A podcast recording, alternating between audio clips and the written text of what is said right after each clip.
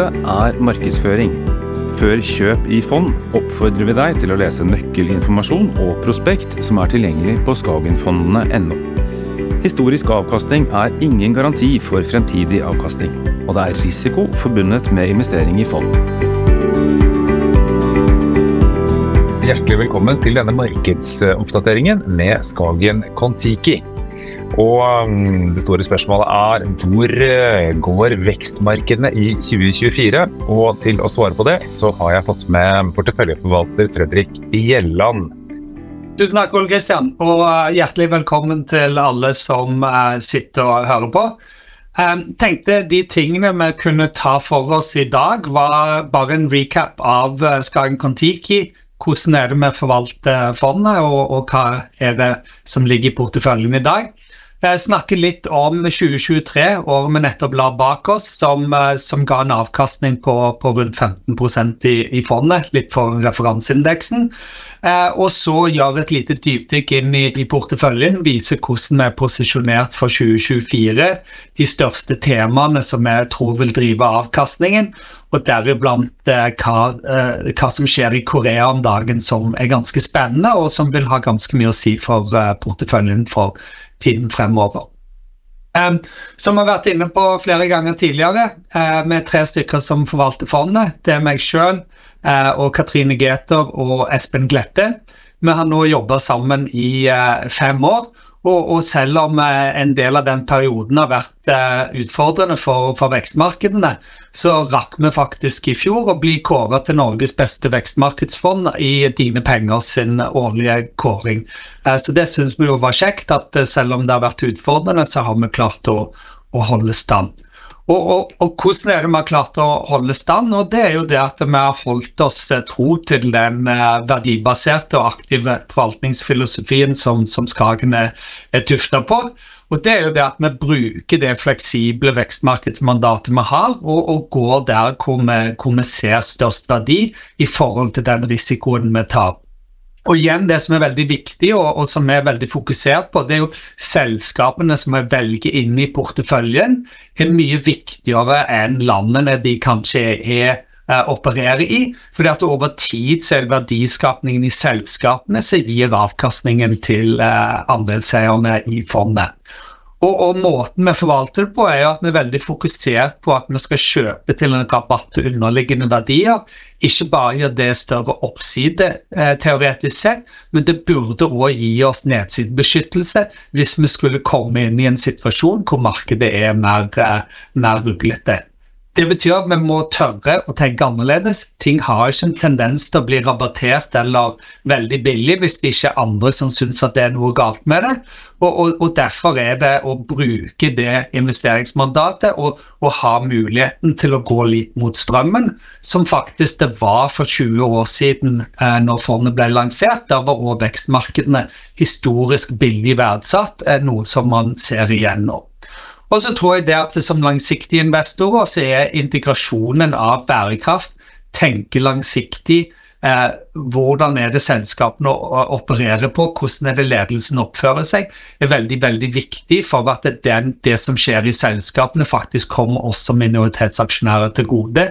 Så det er en integrert og, og, og viktig del av måten vi jobber på. Vi skal vise et par eksempler på det eh, når vi kommer videre. Og så Når vi ser på liksom hovedtanken i porteføljen, så mener jo vi at porteføljens karakteristikker må gjenspeile det vi sier at vi tror på. Så Når vi sier at vi er aktive, så er det viktig å vise at vi har en høy aktiv andel i fondet. Den ligger på nesten 90 som betyr at eh, det er kun eh, rundt 10-12% av fondet som overlapper med indeks. Så her har vi virkelig lagt pengene bak det vi tror mest på. Og En av måtene vi klarer å oppnå eh, denne høye aktive andelen på, er at vi har en litt høyere andel av såkalte små og mellomstore eh, selskaper enn det indeksen har. Så her i blått så har du lyseblått så har du eh, Skagen Kon-Tiki, og i, i mørkeblått så har du indeksen. Og det som er interessant, er at i det grønne så ser du gjennomsnittsfondet i vekstmarkedene. Så de aller, aller fleste fondene i vekstmarkedene er, er, mer fokusert på store selskaper. Og det er helt klart at da vil konkurransen for å finne de beste aksjene være høyere der. Og så sist, men ikke minst, verdsettelse er viktig for oss som en verdifokusert forvalter. Når du ser renten på pris til inntjening eller pris til eh, bokført egenkapital, så handler fondet til en ca. 50% rabatt mot markedet. Og Det igjen er en av de grunnene vi mener til at vi skal kunne eh, levere over tid. Når vi ser på, på uh, tredjepartsdata, så er det det man faktisk prøver å oppnå, det å få mer enn det vi betaler for. Så her har vi fra Morningstar, som er et analysebyrå på, på fond, eh, hvor de setter på forskjellige karakteristikker fondet vårt i den blå sirkelen opp mot markedet i den svarte streken, og vår femårshistorikk i den lyseblå eh, delen. Og det du ser, er at det på stilen som går på eh, vekst eller verdi, så ligger vi helt nede i det nederste sjiktet. Altså vi er mye, mye billigere priser enn eh, tilsvarende fond i de porteføljeselskapene som vi eier. Men det skal ikke gå på bekostning av kvalitet. Så når du ser på kvalitetsfaktoren, så selv om vi handler til en veldig veldig høy rabatt, så er kvaliteten på selskapene målt gjennom finansielle nøkkeltall er nesten på, på, på par med markedet. Så det er en, en, av de tingene som vi prøver å optimere for, det vi skal få mest mulig eh, for minst mulig. Og når vi bare ser på den rabatten som fondet har eh, mot både indeks i mørkeblått og mot gjennomsnittsfondet i lyseblått, så ser du at det, om det er på nøkkeltall på inntjening, eller på bokført egenkapital, eller på omsetning eller kontantstrøm, så er rabatten på fondet mellom 40 og 60 eh, mot våre konkurrenter. Og så bare, eh, Vi fikk spørsmål i forkant, det som jeg var inne på, at vekstmarkedene har hatt en tøff periode de siste ti årene. Men igjen så tror jeg det er viktig å påpeke at noen ganger så går dette i ganske lange sykler. Så siden oppstart har fondet levert 960% avkastning mot innvekst på 460 og Det er tilsvarende 11% i året for fondet og 8% for indeks. Men det som også er interessant, er at når du ser de siste ti årene hvor vekstmarkedene har gjort det dårligere, eh, så er det viktig å sette det må ses i lys av at i perioden fra 2002 til 2010 så leverte faktisk eh, vekstmarkedene en årlig meravkastning mot modne markeder på rundt 10 prosentpoeng i året. Og nå er en stor del av den meravkastningen som ble levert tidlig i årets levetid mot modne markeder, har blitt reversert. Og når man ser på verdsettelse og på sentimentet mot vekstmarkedene, så er det store likhetstrekk med hvordan det var for 20 eh, år siden. At vekstmarkedene har blitt vesentlig billigere i forhold til eh, modne markedene. Og Hvis vi ser mer nylig, så, så har fondet levert eh, en eh, liten meravkastning både på ett eh, et og tre år. Og så langt i, i 2024 så ligger fondet rundt 1 prosentpoeng foran eh, indeks. Eh, så det betyr at vi ut av de fire siste årene har levert meravkastning i tre av de, og ligger så, så langt i, i 2024 relativt kort an, selv om det er veldig mye igjen av året. Så hvis vi ser tilbake på 2023, så bare gå fort gjennom det som betydde noe for fondet der. For det første så tror jeg man må si at 2023 var jo et godt år for de fleste aktivaklasser, og spesielt hvis du måler avkastningen i norske kroner. Her er det i dollar.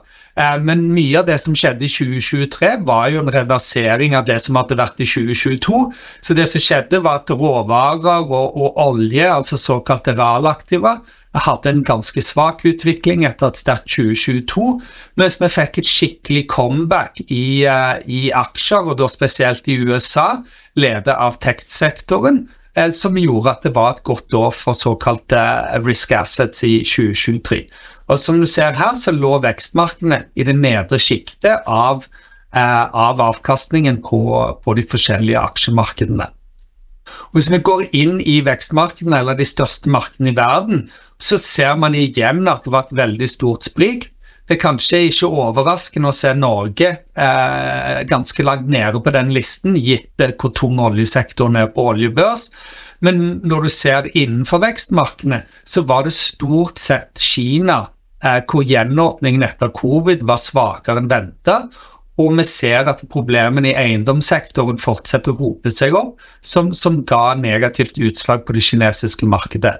Men innenfor vekstmarkedene så var det faktisk land med veldig veldig sterk avkastning i 2023.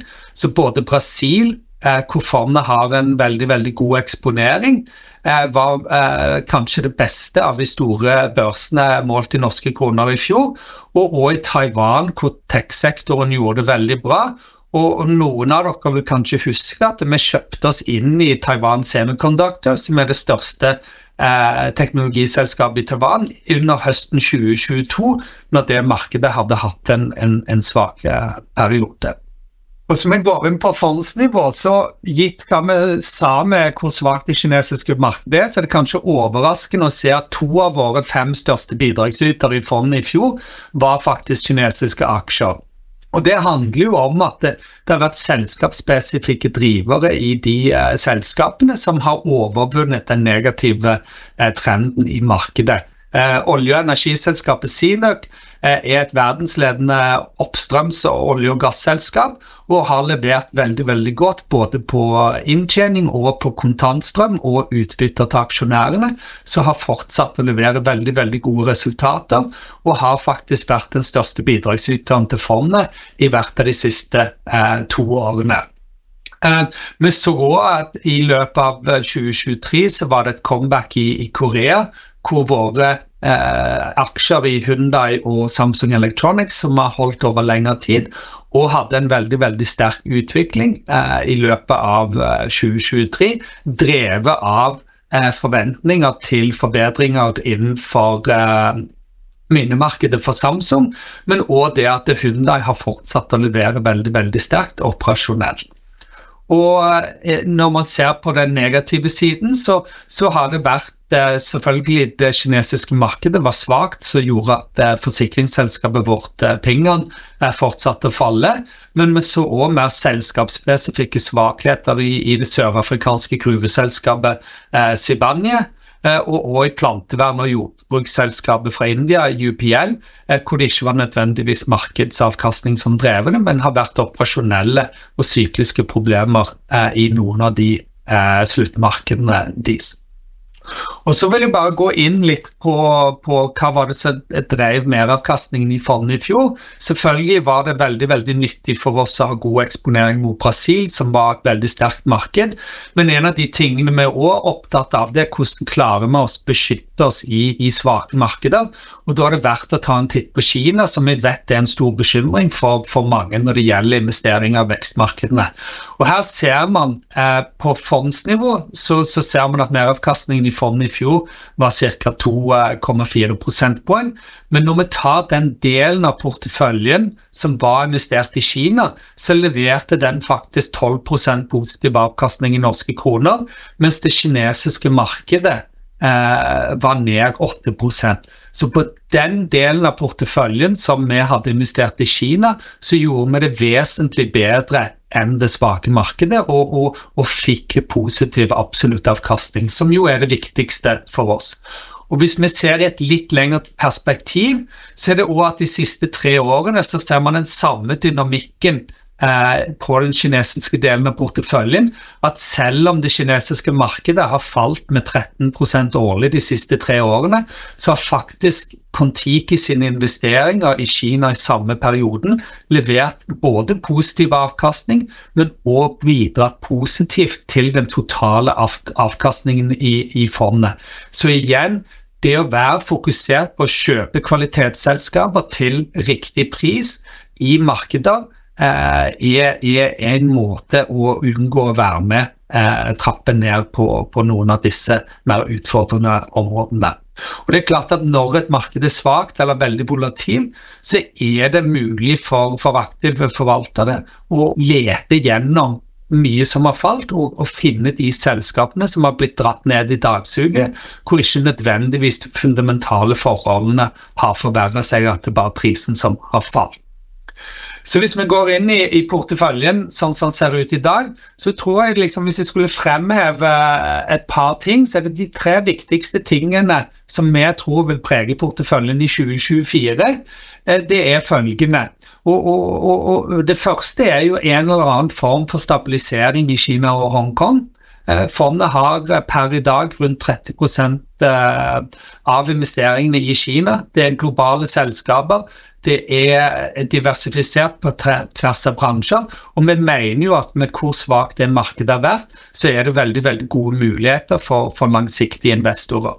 Og Det som kanskje endrer seg nå mer nylig, er jo at myndighetene har gått ut og gitt sin støtte til aksjemarkedet. Og vi har også sett endringer i byråkratiet rundt oppfølgingen av aksjemarkedet, som gjør at det, det kan komme en forventning til forbedring der. Andre store delen av porteføljen som er viktig fremover, er Korea. Den skal vi tilbake til senere. Der er fondet òg tungt investert med rundt 25 og Der òg ser du det samme som det har til felles med Kina. Dette er billige markeder på 9-11 ganger inntjening og rundt én gang eh, bokført egenkapital. Og igjen så er det at du har et eh, eh, eh program fra myndighetene om å synliggjøre aksjonærverdier som vi tror kommer til å gi eh, ganske god fart i markedet fremover. Og Det siste som vil fremheve som må en, en tung investering i fondet, er at vi har rundt 18% av fondet investert i Brasil. og Her er det òg et billig marked på rundt åtte ganger inntjening. Men det som er interessant det her, er jo at du, du har vært gjennom en periode med veldig veldig høye renter. og Her går vi nå inn i en pengepolitisk sykkel som jeg tror vil være veldig veldig positiv for det brede aksjemarkedet. Eh, og vi har òg ganske store investeringer knyttet opp mot jordbrukssektoren, som igjen vi tror er en, en strukturelt attraktivt sted å være eh, i Brasil. Og så vil vi bare ta litt om de endringene vi har uh, i porteføljen i løpet av 2023. Vi hadde netto uh, altså vi hadde seks nye selskaper inn i porteføljen, og vi gjorde åtte nedsalg uh, i løpet av året. Hvis vi begynner på nedsalgene, så tror jeg det første å fremheve er at vi solgte faktisk to av våre kinesiske investeringer allerede i januar-februar 2023, for da hadde du hatt en veldig veldig god økning i det kinesiske aksjemarkedet. Så da var vi veldig bevisste på pris og reduserte beholdningen vår i Kina når det var handler på høyere nivåer. Og så har vi kjøpt noe av den eksponeringen tilbake mot slutten av året, etter hvert som prisene har kommet ned igjen og skuffelsen etter covid-åpningen eh, ble gitt. En annen ting som jeg vil heise frem, det er at vi òg i løpet av 2023 fikk realisert to investeringer i Russland. Eh, for de av dere som husker, så er jo dette poster som i 2022 eh, ble skrevet ned til null pga. invasjonen av Ukraina, og at vi var låst inne på det tidspunktet på disse aksjene. Men som vi, vi, sa da, og i tråd med kommunikasjonen etterpå, så har jo vi jobbet aktivt hele veien med å prøve å realisere så store verdier som mulig ut ifra eh, de, det utgangspunktet vi hadde. Og i løpet av fjoråret så fikk vi realisert nesten 1% av eh, verdien i fondet ved å selge ut av de to matvareselskapene X5 eh, og Magnit. Ellers gjorde vi mindre endringer i fondet basert på eh, aksjer som, som, nådde kursmål, og det ser jeg mer på som vanlig måte å jobbe på. Da var det to chilenske selskaper, og noen av dere husker kanskje at Ivanhoe Mines, kobberselskapet i Kongo, har vi vært investert i siden sommeren 2018. Og etter å ha gjort ca. seks ganger på denne investeringen, så solgte vi oss ut etter hvert som aksjen traff eh, kursmålet vårt. Når det gjelder kjøp, så, så er det kanskje to, to poster som, som, begynner å bli store, som, som, er verdt å nevne. og Det er Simpar. Eh, det er et logistikk- og transportkonglomerat i, i, Brasil, som var et av de selskapene vi fant frem etter at Katrine og jeg var eh, på besøk eh, hos andre porteføljeselskaper i Brasil i januar i fjor. Så det er veldig, veldig spennende case vi har kjøpt oss opp i etterkant. Og i tillegg så har vi bygd en større post i KB Financial, som er en sørkoreansk bank som, som vi skal komme videre inn på etterpå. Hvis noen har noen spørsmål om, om enkeltaksjer i, i, i fondet, så er det helt klart at noe vi kan følge opp med. Og Hvis vi ser nå på porteføljen på topp 12, så siden eh, webinaret vi hadde i fjor, så er det tre endringer i topp 12-listen det første er de som eh, har eh, gått ned i vekt. Det er UPL, det indiske selskapet som jeg nevnte, som, hvor utviklingen ikke hadde vært så sterkt som vi skulle håpet. Så der har vi tatt posten litt ned. Og I tillegg så, så var det to brasilianske selskaper hvor utviklingen gjorde at vi følte fra et porteføljeperspektiv vi, vi reduserte de postene litt, og det var i Susanne og i Asai. Og så er det to selskaper som allerede lå i porteføljen, men som, som har økt i løpet av uh, fjoråret. Uh, mest for egen maskin. Både Banco do Brasil og Raizen har hatt en god utvikling i løpet av 2023. Og Raizen var et av de selskapene vi faktisk økte investeringen vår i etter at vi vært og besøkt selskapet i fjor. Så det viser verdien av oss å, å besøke selskapene lokalt og, og og da fikk vi en mulighet til å kjøpe en større post i det selskapet, så det har blitt en større investering.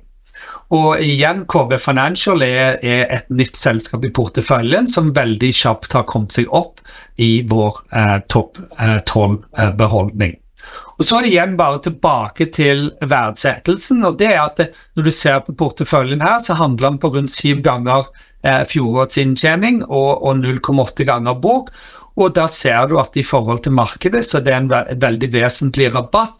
Og når vi setter våre kursmål, hvor vi aggregert sett ser 60-70% oppside i porteføljen, så vil allikevel ikke det føre til at porteføljen ville blitt dyrere enn markedet. Så dette er ikke noe sånn drøm som vi skulle eh, tro eh, må skje. Dette er hvis selskapet behandler Altså Hvis markedet behandler våre selskaper på samme måte som det behandler markedet på de tilsvarende nøkkeltallene, så bør våre aksjer revurderes ganske kraftig opp. fordi at det, som jeg nevnte tidligere, så er egenkapitalsavkastningen på porteføljen aggregert sett ikke noe dårligere enn markedet, men vi handler til en 40-50 eh, rabatt.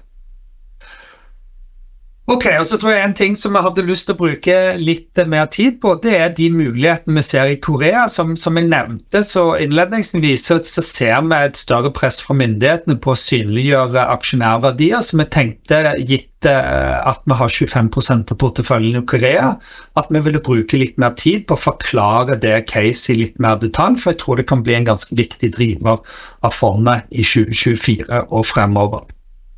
Og Det første som er verdt å merke seg, det er at det, det er noe man kaller Korea-rabatten. Og, og, den har vært der over lang tid. Det koreanske markedet har alltid på nøkkeltall sett billig ut. Men det er faktisk nå det eneste av virkelig store aksjemarkeder som handler til under bokførte verdier. Altså Det betyr at for hver 100 kroner som ligger i et selskap, så betaler du i snitt 90 kroner for det. Og det må jo bety at det er en grunn for at folk vil ha den rabatten, og det er at man ikke nødvendigvis tror på så stor verdiskapning, eller at den verdiskapningen som skal skje, skal komme minoritetsaksjonærer til gode. Eh, og Det som er interessant, det er at Innenfor Korea så, så ser man nå altså banker er generelt sett lavere priser. De fleste markeder i verden har jeg bare lagt mellom Korea, Kina, Japan, India og USA som, som er store bankmarkeder. Men her ser du at altså, koreanske banker handler på samme prisbok eh, som kinesiske statseide banker. Og jeg tror det er de færreste som tror at risikoen ved å, handle, altså ved å eie en koreansk bank vis-à-vis det å sitte med det kinesiske kommunistpartiet når bankvesenet i Kina er den måten de styrer økonomien på, at det er samme risiko. Så, så det er ganske rart fra vårt perspektiv at koreanske banker handler på, på samme nivå som eh, bankene i Kina. Og du ser at selv i Japan som òg har hatt et bankvesen eh, med uh, stor gjeldsoppbygging og, og, kanskje dårlig avkastning historisk, handler til nesten dobbel pris av koreanske banker. Og Hvis du ser på andre banksystemer, så ser du at det er veldig uvanlig med de lave verdsettelsene vi ser i, i, i Korea. En av de store grunnene til, til det er at uh, koreanske banker har historisk sett vært mer fokusert på vekst og det er ikke nødvendigvis vært så verdiskapende å ha stor utenlandsvekst. Og vi mener at de heller skal fokusere på å betale ut uh, til aksjonærene. Uh, og vi tror nå at det kommer en endring. Vi har eksempelet fra Japan, Der har det allerede vært et stort fokus fra myndighetene sin side om den generelle lave verdsettelsen i det japanske markedet historisk. Og De har nå gått så langt i Japan at de offentliggjør lister med de laveste verdsatte selskapene, nesten som en sånn offentlig uthengning av, av at man er undervurdert. Og Der har du ganske mange likhetstrekk med, med Korea i, i, de to markedene historisk. Hvis du ser Nikkei-børsen her i rødt, så har den virkelig fått fart på seg de siste halvannet årene, mens Cosby-indeksen i Korea i grått har vært relativt stabil. Og, og vi hadde et møte med, med, koreanske kommentatorer, og en av de tingene som ble nevnt der, er at there's nothing Koreans hate more than seeing Japan doing something better than them. Så det er litt konkurranseinstinkt her mellom koreanerne og japanerne, japanerne har blitt vekka. Hvis vi går tilbake til banksektoren, så ser du her i grønn så er det verdsettelsen på japanske banker eh, på pris til bok. Eh, og i hvitt så har du de eh, koreanske bankene. Og Historisk sett så var det veldig veldig tett korrelasjon mellom de to, men igjen de siste 18 månedene så har pga. de endringene som har kommet i Japan og det større fokuset på aksjonærvennlighet, så har det gitt en kraftig reprising av japanske banker, selv om de historisk sett, hvis du ser på avkastning på egenkapital, fortsatt tjener mindre penger enn i koreanske banker. Og igjen, hvis vi drar det tilbake til hva er det vi prøver å gjøre, jo det er jo å få mer enn vi betaler for. Så hvis du er litt bedre over tid, men er veldig mye billigere, så tror jo vi at det er et godt utgangspunkt for eh, å få godt betalt, hvis, spesielt hvis det kommer endring. Og, og endring kommer det. For at det nå 24. januar så kom faktisk de koreanske myndighetene ut med et nytt program som heter Value Up. Og de har veldig veldig mange av de samme komponentene som japanerne hadde. De fokuserer på lave verdsettelser. De legger press på styret at de må ha en strategi eller et, en plan for å eh, endre disse lave verdsettelsene. Og denne må kommuniseres tydelig til investorer, eh, sånn at man kan bygge troen på det, og at man kan være med og følge det opp. Og Det som er interessant, det er hvorfor skjer det akkurat nå. Dette kunne vi ha gjort for ti år siden, men jeg tror det skjedde en veldig stor endring rundt covid. For her i den gule søylen så har du antall private investorer i Korea som eier aksjer. Når vi ser at eh, i løpet av 2020-2021 så har antallet aksjonærer i Korea nærmest eksplodert. Og det er nå nesten 14 millioner koreanere som eier aksjer, som er omtrent like mange som eier sin egen bolig. Og Når det er et valg i 2024, og du har en tredjedel av befolkningen som nå har penger eh, investert i markedet, så tror vi igjen at fra myndighetenes side så er det mye mye viktigere å, å, å sette fokus på dette.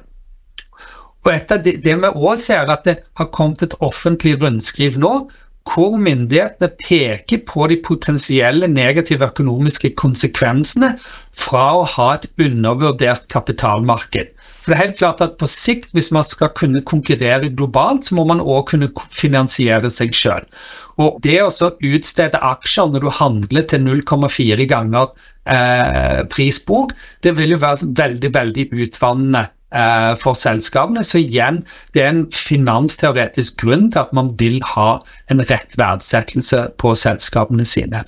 Og Her er jo òg Skagen med.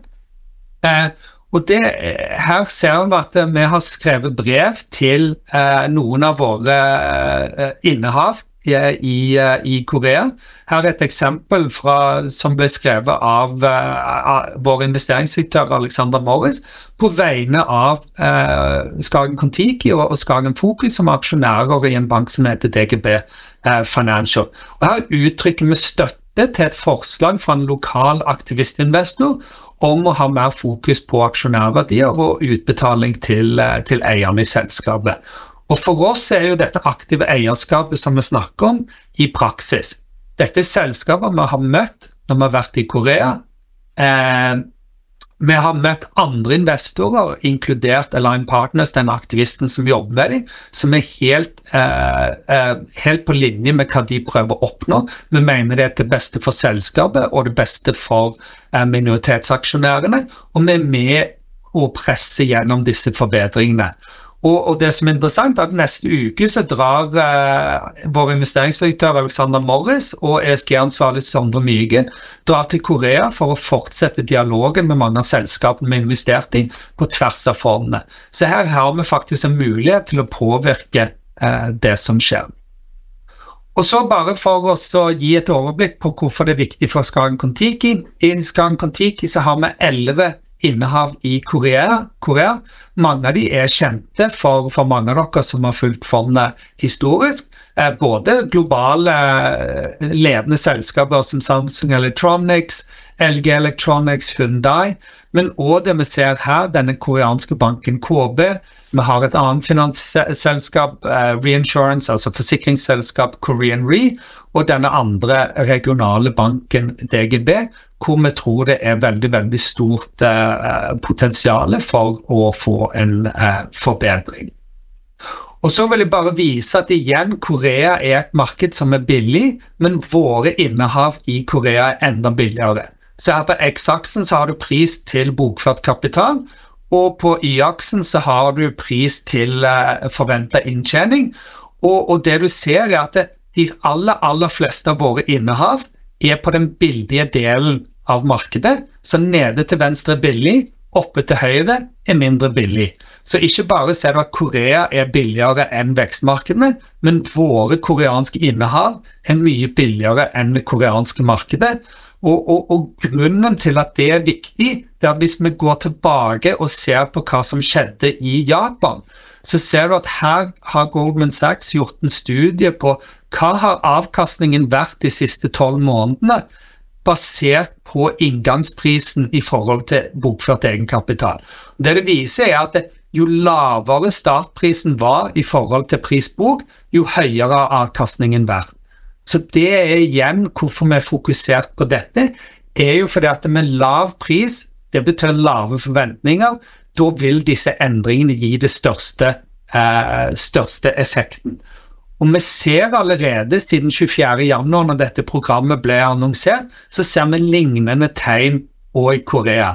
Her kan vi se at det noen av de selskapene som lå helt nede til venstre, om det er Hyundai, KB eller LG eh, holdingselskapet, så er det de selskapene som har gitt desidert best avkastning siden dette programmet ble lansert. Og gitt at de fremdeles handles til store rabatter i forhold til bokført eh, kapital, så tror vi det er fremdeles er god oppside fra det. Det som er viktig her, det er at vi tror at kombinasjonen av eksternt press, som vi har eh, bevis på nå fra myndighetene, men òg den interne villigheten til å gjøre endringer. og Det er viktig i vårt arbeid med selskapene at vi skjønner om disse selskapene er villige til å endre oppførsel. Det er jo de vi prøver å velge. Og da eh, et, et godt utgangspunkt er lav verdsettelse. Så der føler vi at mange av disse koreanske selskapene oppfyller alle eh, tre.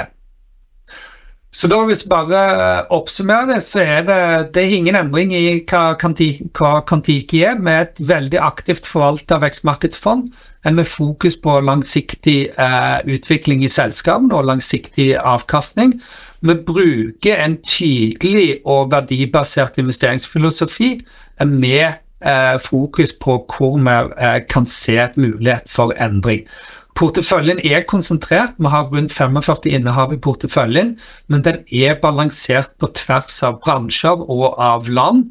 Men det alle selskapene i porteføljen har til felles, er at vi mener at de er undervurderte på tvers av scenarioer, og ofte så finner vi det i de mest upopulære hjørnene av markedet, og det vil vi fortsette å lete etter. Og Hvis vi tenker på de neste 12-24 månedene fremover, eh, så er det helt klart at de tre tingene vi har spesielt posisjonert fondet for, med nesten 70% av kapitalen, er at vi, vi, ser muligheter for en stabilisering i Kina som vil eh, gjøre hele det markedet godt. Vi har vist over tid at vi eh, kan eh, operere i det markedet. Og så er det denne reformen i Korea som vi tror virkelig bare er startgropen, og hvor Japan har vist veien over de siste to årene. Og så er det den siste er fra et markedsperspektiv at vi har en bred eksponering mot Brasil, som vi syns er et veldig veldig spennende, veldig lavt verdsatt marked, hvor du har en veldig veldig støttende eh, pengepolitisk utvikling eh, foran oss. Så det er eh, jeg tror vi hadde tid til å gå igjennom i denne omgang. Og hvis det er noen spørsmål, skal vi selvfølgelig ta, ta de eh, underveis. Tusen takk for det. Tusen takk, Fredrik. Det er eh, så avgjort eh, spørsmål eh, underveis. Jeg tenkte vi bare skulle ta noen av de som på en måte henger mest sammen med det siste du har snakket om, altså Korea. Det er Henrik som lurer på om disse nye tonene da, fra koreanske selskaper, om det også da innebærer tilbakekjøp av aksjer. Ja, så Flere av selskapene våre har allerede hatt eh, tilbakekjøpsprogram av, av aksjer. Eh, jeg tror vi må dele de inn i, i, to forskjellige typer selskaper. Du har selskaper som er, som er familiekontrollert, eh, hvor, eh, hvor, kanskje viljen til å kjøpe tilbake aksjer eh, er drevet mer av hensyn i forhold til å bevare kontroll på selskapet. Og så har du mer finansinstitusjoner hvor kanskje eh, de ikke har eh, fra, eh, fra myndighetenes side egentlig eh, fått lov til å kjøpe aksjer tilbake historisk, fordi de vil at du skal ha en høy kapitaldekningsgrad. Vi ser endring i begge to. Så Hyundai kjøper tilbake aksjer, Samsung har kjøpt tilbake aksjer historisk, og, og bankene vi eier, eh, har tilbakekjøpsprogram eh, bygd inn. Eh, så, så, der ser vi en løpende avkastning i, i begge delene. Og, og, spesielt innenfor finanssektoren så er det et stor, stor endring fra to år siden. Bra. Vi går uh, til de spørsmålene vi har fått uh, i forkant av uh, denne markedsoppdateringen. hva skjer i Kina? Der har vi jo snakket litt om det. Men hvor stor eksponering har, har du i, i Kina nå? Så, som, som vi er inne på, så, så har vi 30 eh, per i dag i, i Kina. Indeks er på rundt 26 eh, så, så det er egentlig bare den andre gangen fondet har vært overvekt av Kina. Den andre gangen var i månedsskiftet oktober-november 2022, når markedet òg var på veldig, veldig lave eh, nivåer. Eh, det, det, som jeg tror er viktig med den delporteføljen vår i Kina, det er at en stor del av det Eh, er innenfor energisektoren, som ikke eh, nødvendigvis drives av disse store trendene innad i Kina med hensyn til eiendomssektoren, eller med hensyn til banksektoren og den, eh, den slowdownen som, som, er i kinesisk økonomien. Og Det er jo en av grunnene til at vi har klart å gjøre det vesentlig bedre enn det kinesiske markedet med våre investeringer der. Og så er, tror jeg det at det, det, som er veldig viktig for oss, det er igjen det er ikke nok at en aksje bare er billig, vi må se tegn til endring. Og jeg, En av de tingene som jeg ikke nevnte godt nok når vi gikk gjennom eh, avkastningen for fjoråret, det var jo at den Foxconn Industrial Internet, som var også en av topp fem bidragsytere i fjor, det, en, det er en aksje som, som egentlig er et datterselskap av Hunhai i Taiwan, mest kjent for å sette sammen iPhoner. Men de er veldig veldig godt posisjonert innenfor kunstig intelligens og, og 5G-investeringer. Og Der så vi liksom en, virkelig en endring i måten eh, selskapet ble, ble, ble, sett på, og, og, fikk en god avkastning eh, der. Så, så vi går ikke inn i Kina bare for å være i Kina. Det, det er en grunn til hvert enkelt selskap ligger der i porteføljen, og vi stiller veldig høye krav avkastningsmessig for å putte penger i Kina. Mm. Og så er det en del som lurer på hva tenker du rundt India? India er en økonomi som er opp og frem. Hva, hva tenker du uh, for Kon-Tiki sin del om India framover? Nei, altså, jeg tror uh, Vi skulle gjerne hatt mye mer i India. Det er et kjempespennende land, vokser veldig fort, det er demokratisk uh, etc. Har veldig veldig god medvind fra demografi, altså befolkningsvekst etc. Men det vet alle andre. Uh, så med sammenligning med USA, så er vel India det eneste markedet som på de måltallene vi ser på, ser historisk dyrt ut. Så, så fondet har per i dag kun ett innehav i India, men vi jobber jo kontinuerlig med å prøve å finne nye selskaper som møter våre avkastningskrav. Men det er klart at når du er så fokusert på verdsettelse som det vi er, så er det vanskeligere å finne den type muligheter i et marked som ser dyrt ut. Det er flere som, som er opptatt av det skal vi si, overordna eh, makrobildet. Eh, hvordan utsiktene for vekstmarkedene er framover. Hvis du tenker på høyere rentenivå, eh, vi får nå se om vi har nådd rentetoppen, da, men, men det er nå det.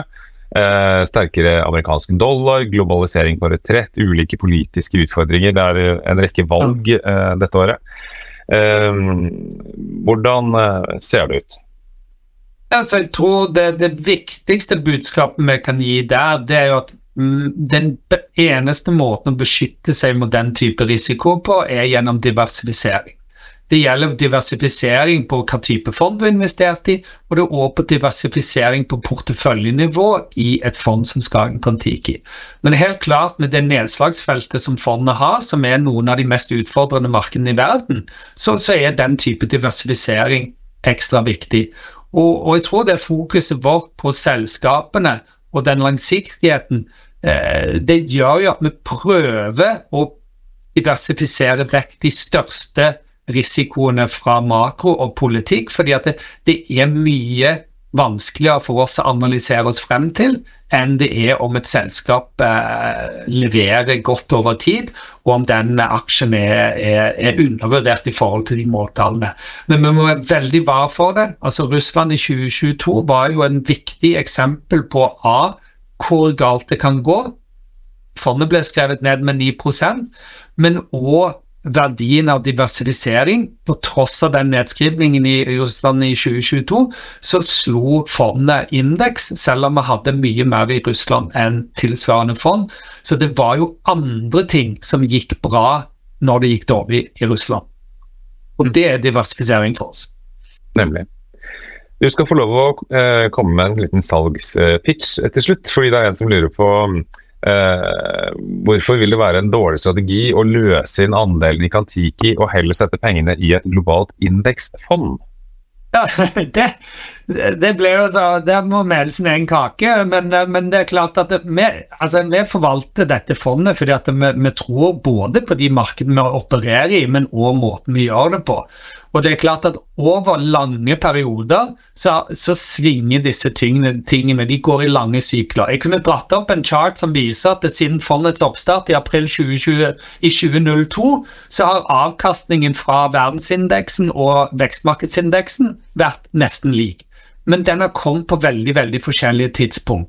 Så vekstmarkedene gjorde det mye, mye bedre de første ti årene og så har de gjort det dårligere de neste ti årene. Så når, vi ser etter hva er oddsen for at sykelen snur, så er jo måten vi kalibrerer tankene våre på, er jo rundt verdsettelse. Når jeg ser på markedsverdsettelsene, så er de omtrent på samme strukket nivå når det gjelder rabatten til vekstmarkedene, som de var når fondet ble starta.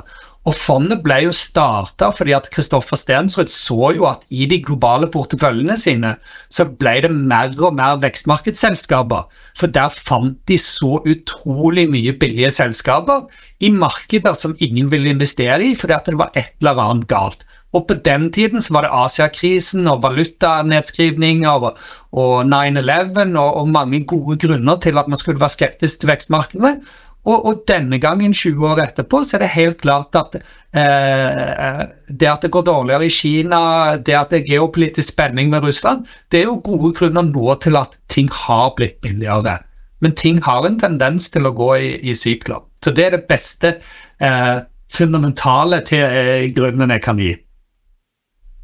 Jeg skal si tusen takk til deg, eh, Fredrik. Og før vi runder eh, endelig av her, så vil jeg bare minne om at hvis du har flere spørsmål til enten Fredrik eller eh, Skagen, så er du hjertelig velkommen til å ta kontakt med oss, og så skal vi hjelpe til så godt vi bare kan. Men for nå så sier jeg tusen takk for at dere var med oss.